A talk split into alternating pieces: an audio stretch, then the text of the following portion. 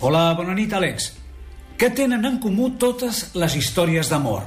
Doncs que són històries difícils, amors frustrats, relacions impossibles, acabin bé o acabin malament, sempre hi ha motius que impedeixen als enamorats estar junts.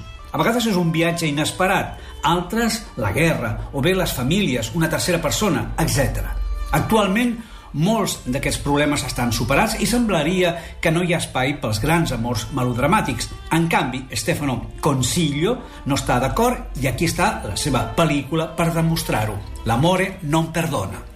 Una pel·lícula italiana, però que té molt de francesa. Segons Stefano Consiglio, que és també el guionista del film, fins avui ha fet eh, documentals, ha estat ajudant de direcció, ha fet televisió i s'ha ocupat de temes socials, per Stefano, el títol de l'amore non perdona s'ha d'entendre com aquell tipus d'amor que quan colpeix, quan colpeix de veritat, no deixa escapatòria i no hi ha explicacions ni raonaments que valguin.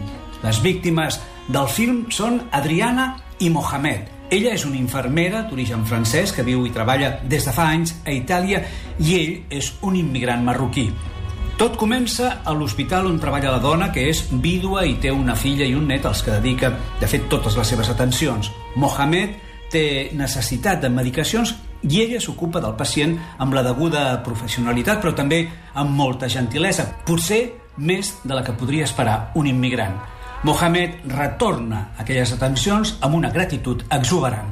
Els dos es retroben fora de l'hospital i neix una història d'amor. Una entesa que inicialment neix també gràcies a la llengua francesa en què tots dos s'expressen i que ben aviat es converteix en una història molt més profunda, feta de trobades secretes, de passatges interminables, una atracció recíproca que creix i creix del desig a la passió. Però també són interminables i constants els rumors i les tafaneries de col·legues, amics i familiars. Ma non ti vergogni? Di che cosa mi devo vergognare? Che ha 30 anni meno di te. Non ti importa niente di noi. Non contiamo niente, non siamo niente.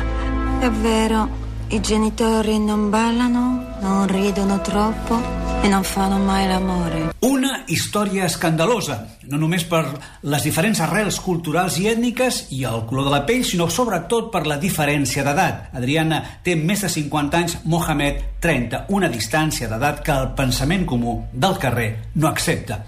L'amore non perdona, rodat a la ciutat italiana de Bari i a Tànger, ens fa pensar en els grans canvis que està vivint la dona en la societat. Fins fa 20 anys, una dona que passava als 50 es considerava al final de la seva vida activa.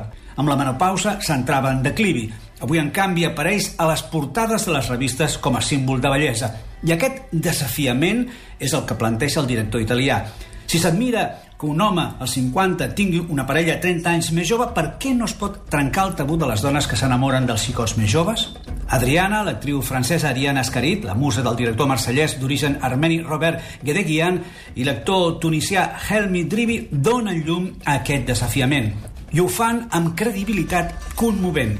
Ella, amb el seu físic juvenil, malgrat l'edat, l'energia, la seva viva i lluminosa mirada, ell amb la força poderosa, la simplicitat i el somriure desarmant.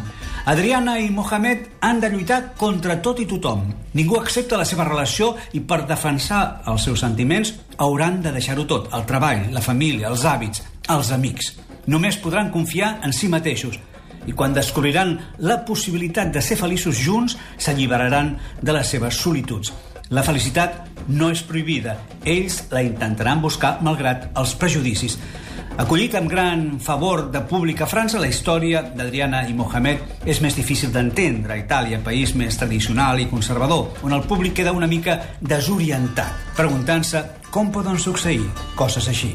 Eduard Rubió per la finestra indiscreta.